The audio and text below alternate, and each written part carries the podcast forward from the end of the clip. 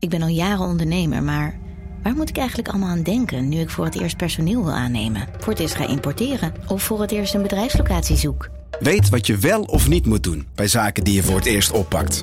Check kvk.nl voor praktische stappenplannen. KVK, hou vast voor ondernemers. Hey podcastluisteraar. Ook op zoek naar een relevante invulling van je schaarse luisteruren? Tune dan in op de podcastserie ESG, even samengevat van BNP Paribas. Wij, Marloes en Aldert, spreken daar duurzame voorlopers en wereldverbeteraars. Waarover dan? Nou, bijvoorbeeld of we ooit duurzaam kunnen gaan vliegen. En waarom koeien in de stad nou een goed idee is? Dat en meer elke twee weken in een nieuwe aflevering. Dus abonneer je. ESG, even samengevat.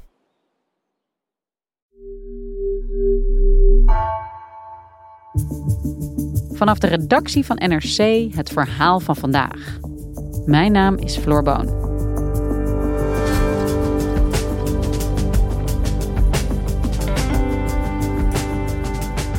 Aan de oppervlakte doet weinig vermoeden dat diep onder de grond, tussen Alkmaar en Bergen, de grootste gasopslag van Noordwest-Europa ligt. Het is een belangrijke schakel in de Nederlandse gasstrategie, met als doel altijd zeker te zijn van gas. Maar toen onderzoeksredacteur Marijn Rengers een kijkje ging nemen, was de opslag zo goed als leeg. Hoe kan de Nederlandse gasstrategie zo hebben gefaald?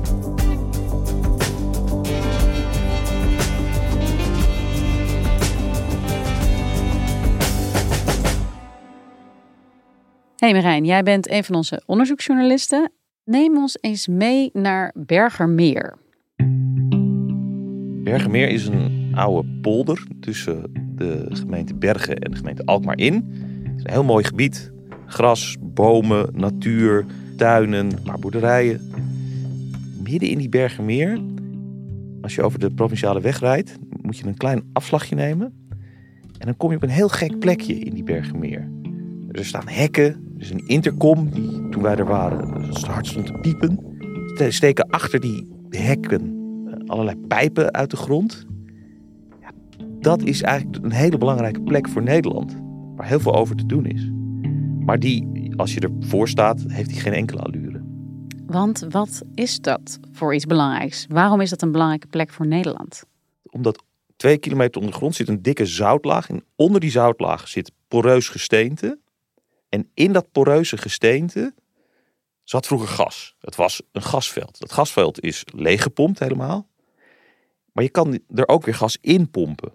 Dan kan je die laag gesteente gebruiken als een gasopslag. En dit is de gasopslag Bergermeer. De grootste commerciële gasopslag van Noordwest-Europa. Daar stonden wij aan de poort voor de deur, als het ware. En daar is dus niets van te zien als je erboven staat. Boven zie je bijna niks, maar onder de grond gebeurt er heel erg veel. Ja, want uh, voor mijn begrip, uh, dit gaat over een plek twee kilometer onder de grond. Hoeveel gas past daarin? Als hij helemaal vol zit, zit er 4 miljard kuub gas in. Dat is zeg maar het jaarverbruik van 2,5 miljoen huishoudens. En in de Bergenmeer wordt industrieel gas opgeslagen, wat gebruikt wordt door Tata Steel, uh, door de aluminiumsmelter in het noorden. En bijvoorbeeld om elektriciteitscentrales mee te stoken. Dus uiteindelijk het stroom je stopcontact wordt mede mogelijk gemaakt door de gasopslag Bergenmeer. En waarom ging je daar naartoe? We gingen er naartoe, Carola Houtenkamer, Jeroen Wester en ik, van de onderzoeksredactie. Want die gasopslag speelt een cruciale rol in de energievoorziening van Nederland. Omdat de gasopslag is aangelegd om ervoor te zorgen dat er altijd voldoende gas was in Nederland. Dat de prijzen relatief laag waren. En dat Nederland een belangrijke positie kon behouden op de wereldwijde gasmarkt. Maar dit jaar, sinds de inval van de Russen in Oekraïne en eigenlijk kort daarvoor al, doet hij absoluut niet meer wat hij moet doen. De gasprijzen zijn torenhoog. Er zijn grote vragen bij of we wel genoeg gas hebben. De gasrelatie met Rusland is waardeloos. De gasopslag had al haar beloften verbroken. En er is nog een probleem, want 40% van die gasopslag daar gaat Nederland helemaal niet over. Daarover mag Gazprom, het grote Russische staatsbedrijf, beslissen. En mede daarom moet nu de hele Nederlandse gasstrategie, inclusief hoe om te gaan met de Bergenmeer, worden herzien. En hoe is Nederland eigenlijk in deze situatie terechtgekomen? Hè? Want uh, het idee was dus altijd dat we hier nooit in terecht zouden komen. Nee, nou daarom zijn we helemaal teruggegaan. We hebben met heel veel mensen, insiders op de gasmarkt gesproken. Om te begrijpen van wat was nou de filosofie? Waarom hebben we dit allemaal aangelegd? En hoe kon het dat wij deze situatie met z'n allen totaal niet hebben zien aankomen? Ja, want neem ons even mee als je wil naar het begin. Waar begint het verhaal van de gasstrategie van Nederland? Nou, midden jaren negentig beseften we ons steeds meer dat Slochteren zou een keertje leeg raken. En je moet het zo zien, het grote gasveld in Groningen, die heeft de Nederlandse economie groot gemaakt. Na de oorlog, er waren jaren dat er op een gegeven moment 20% van de begroting gasopbrengsten was. Dus Nederland is rijk geworden mede dankzij Gronings gas. Iedereen zag wel op een gegeven moment dat het op zou raken. Kijk, aardbevingen die hadden we nog helemaal niet in beeld, maar op een gegeven moment is het leeg. Dus moest gewerkt worden aan een plan B. Nou, het ijzeren gordijn viel en daar was opeens Rusland. En Rusland bleek enorme gasreserves te hebben. Dus je kunt wel zeggen dat uiteindelijk de Russen plan B werden. Het Russisch gas zou rijkelijk naar Nederland vloeien. En alle gasinfrastructuur, de elektriciteitscentrales, alles wat we deden met het gas, dat zouden we kunnen gaan doen, onder andere met Russisch gas. En minister Maria van der Hoeven van het CDA, in der tijd minister van Economische Zaken, is nog een keer speciaal naar het Kremlin afgereisd om de gasbanden met Rusland te versterken. We zijn hier voor een, eh, voor een kort bezoek. Eh, ik spreek met een aantal collega's, onder andere met de eerste vicepremier de heer Dubkov en met de directeur-CEO van, van Gazprom. En het onderwerp waar we voor hier zijn, dat is eigenlijk tweeledig. Economische betrekkingen verstevigen uiteraard, maar ook energiebetrekkingen. Daar werd ook een, een, naam voor bedacht. Nederland zou de gasrotonde van de wereld, de gasrotonde van Europa worden. Rusland is het grootste gasland ter wereld. En hoe je ook over Rusland denkt, ze hebben iets wat wij ook graag zouden willen hebben als we willen uitgroeien tot gasrotonde in Nederland. Een soort centrale plek waarbij zoveel mogelijk pijpleidingen aangesloten zouden worden op Nederland. En dan zouden wij, zou dat allemaal door Nederland lopen. Nou, dan hadden wij in ieder geval, wisten we zeker dat er gas was, want het liep toch allemaal via ons. Het zou goedkoop zijn, want hoe meer gas er is, hoe lager de prijs. En Nederland was en bleef een belangrijk gasland. Want dat wilden we graag, want dat waren we geworden dankzij Slochteren. Dus er is vanaf dat begin af aan heel erg ingezet op de Russen als betrouwbare partner. Ja, de Russen hadden heel veel gas en ze waren enorm betrouwbaar met hun gasleveringen. Dus heel grappig. Noorwegen heeft ook gas. Maar in de gaswereld gold Rusland altijd als betrouwbaarder dan Noorwegen. Want die Noorden, die gingen nog wel eens staken. Maar dat deden die Russen niet. dat gas, dat Russisch gas, dat kwam altijd in grote hoeveelheden. Niks aan doen. Maar Gazprom, altijd Russisch geweest natuurlijk. Misschien wel een betrouwbare partner. Maar Rusland is al jaren niet alleen maar een steady, betrouwbare partner. Nee, dat, is, dat is het dubbele. Dus, dus Nederland heeft altijd naar Gazprom gekeken alsof het niet bij Rusland hoorde. En alsof het niet een, een bedrijf was dat ook politiek beïnvloed kon worden door de Russen. Gazprom was van Gazprom. En wat er ook gebeurde, die leverde altijd. Dus, dus de, de logica van de gasmarkt is een andere dan de politieke werkelijkheid. Dus er was een heel duidelijk plan vanuit Nederland. Gasrotonde worden, gasrotonde van Europa, plek waar alles samenkwam. En toen? Nou, een van de dingen die je moet organiseren, die je moet bouwen, om gasrotonde te worden, is gasopslag. En daarom moest de Bergermeer ontwikkeld worden tot gasopslag. En omdat we toch zo innig waren met de Russen, vonden we het ook fijn, en dat vonden de Russen ook fijn, als zij dan mede-eigenaar zouden worden van die gasrotonde. Dus ze kregen aandelen en ze kregen het recht om een groot deel van die gasrotonde te gebruiken om hem te vullen en te legen met Russisch gas op momenten dat het voor, voor Gazprom goed uitkwam. En waarom krijgt Gazprom dan die 42 procent? Nou, dat komt om die gasopslag te kunnen maken, moest er eerst heel veel gas in. Dus het was een leeg gasveld. En je moet dat eerst op onder een bepaalde druk zetten voordat je het kan gebruiken als opslag. Nou, dat, de hoeveelheid gas die erin pompt, kussengas noem je die, die is in zijn volledigheid geleverd door Gazprom. En Gazprom zei: hé joh, we hoeven er geen geld voor terug. Jullie hoeven niet te betalen. Maar laten we het nou het volgende afspreken. Wij krijgen ruim 40% van de capaciteit van die gasopslag. Die is voor ons. Jullie hebben de rest. En dan hoeven we voor dat kussengas dat we erin hebben gepompt niks te hebben. En waarom stond Nederland in der tijd toe om ja, zoiets fundamenteels, zeggen we nu althans, ja, als de gasvoorziening in buitenlandse handen te laten vallen, in ieder geval gedeeltelijk? Omdat Nederland en vooral het ministerie van Economische Zaken was in de ban van het idee dat de markt alles zou oplossen. Dus zij zagen helemaal niet het als een overheidstaak om te zorgen voor gasreserves. Dat was nou typisch iets wat de markt prima kon oplossen. Dus wat Nederland dacht is wij bouwen, ook fysiek, maar ook conceptueel, wij bouwen de markt. Wij maken de markt en dan zetten we hem aan en dan gaat hij het voor ons doen. Maar het idee dat je je nationale belang ook moet borgen, dat was iets ouderwets. Zo dachten we niet in, in de tijd. Dus energievoorziening was, werd niet gezien als een overheidstaak.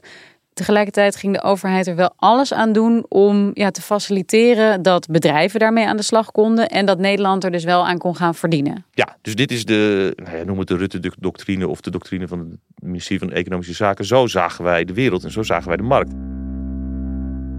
En hoe reageerden de bewoners van Bergermeer? Met name in Bergen, en dat is een rijk dorp met mondige bewoners, ontstond enorm verzet.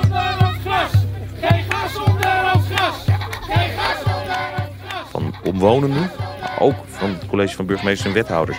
U bent hier vanavond allemaal gekomen met hopelijk maar één doel. Wij moeten dit met elkaar tegen proberen te houden. Het Milieueffectrapport heeft laten zien dat er permanente schade zal optreden bij een jaar rondboren. Dit heeft betrekking tot de natuur. Kortom, het gas dat economische zaken hier in de grond wil stoppen, is niet voor onze inwoners, maar gewoon voor de handel. Die hadden zoiets van: waarom moet dat hier? En mogen wij er nog over meepraten? Want dat was helemaal niet de bedoeling. Het kabinet had bedacht: dit gaan we doen met de Russen. En wat het lokalo's ervan vonden, dat was echt totaal niet interessant. Dus dat leidde tot enorm veel juridische procedures. Ze zijn nog een keer met z'n allen naar Den Haag gegaan. Daarbij werd zelfs de burgemeester van Bergen opgepakt bij het Binnenhof. Dus de clash tussen het lokale bestuur dat tegen was en het landelijke bestuur dat zei: dit gaan we gewoon doen, was heel erg sterk. Het kabinet vond gewoon de gasrotonde en de gasopslag Bergenmeer, die moeten er komen. Dat is veel belangrijker dan wat de mensen die daar in dat gebied wonen, die bovenop die gasopslag wonen, ervan vinden. Het is van belang voor Nederland, wij gaan hem maken. Ja, nou weer terug in Nederland. In het gebied, om precies te zijn, Bergermeer bij Alkmaar. Daar mag toch gas ondergronds worden opgeslagen. De Raad van State heeft alle bezwaren van de hand gewezen. Het wordt de grootste gasopslag van Europa. En precies dat is gebeurd. En uiteindelijk ging in 2015 de gasopslag Bergermeer feestelijk open. Nou goed, jarenlang ging dat goed. Die opslag die was wel gevuld en eh, er was eh, voldoende gas voor Nederland. Maar goed, dat verhaal is al wel een tijdje aan het veranderen. We hebben al een gascrisis sinds uh, vorig jaar. En uh, de Russische inval in Oekraïne heeft het er niet beter omgemaakt. En nu is die gasopslag, die dus altijd gevuld was, leeg. Ja, dat klopt. Dat komt enerzijds omdat Gazprom haar 40% niet heeft gevuld. En anderzijds, die resterende 60% is ook niet gevuld. Omdat de gasprijzen zo raar deden. Die waren zo hoog dat het niet rendabel was om die gasopslag te vullen. Nou, dat is precies de worsteling van het ministerie van Economische Zaken op dit moment. Dus wat heeft Nederland nu bedacht? Ja, subsidie. Dus er wordt nu 600, ruim 600 miljoen beschikbaar gesteld om die 60% van die gasopslag die niet van de Russen is, in godesnaam maar te vullen. Maar ja, daarmee kan je wel zien dat de markt gefaald heeft. En dat uiteindelijk dan komt het terug bij de overheid. Die moeten dan maar oplossen. Ja, en die plemperen er een heleboel geld in.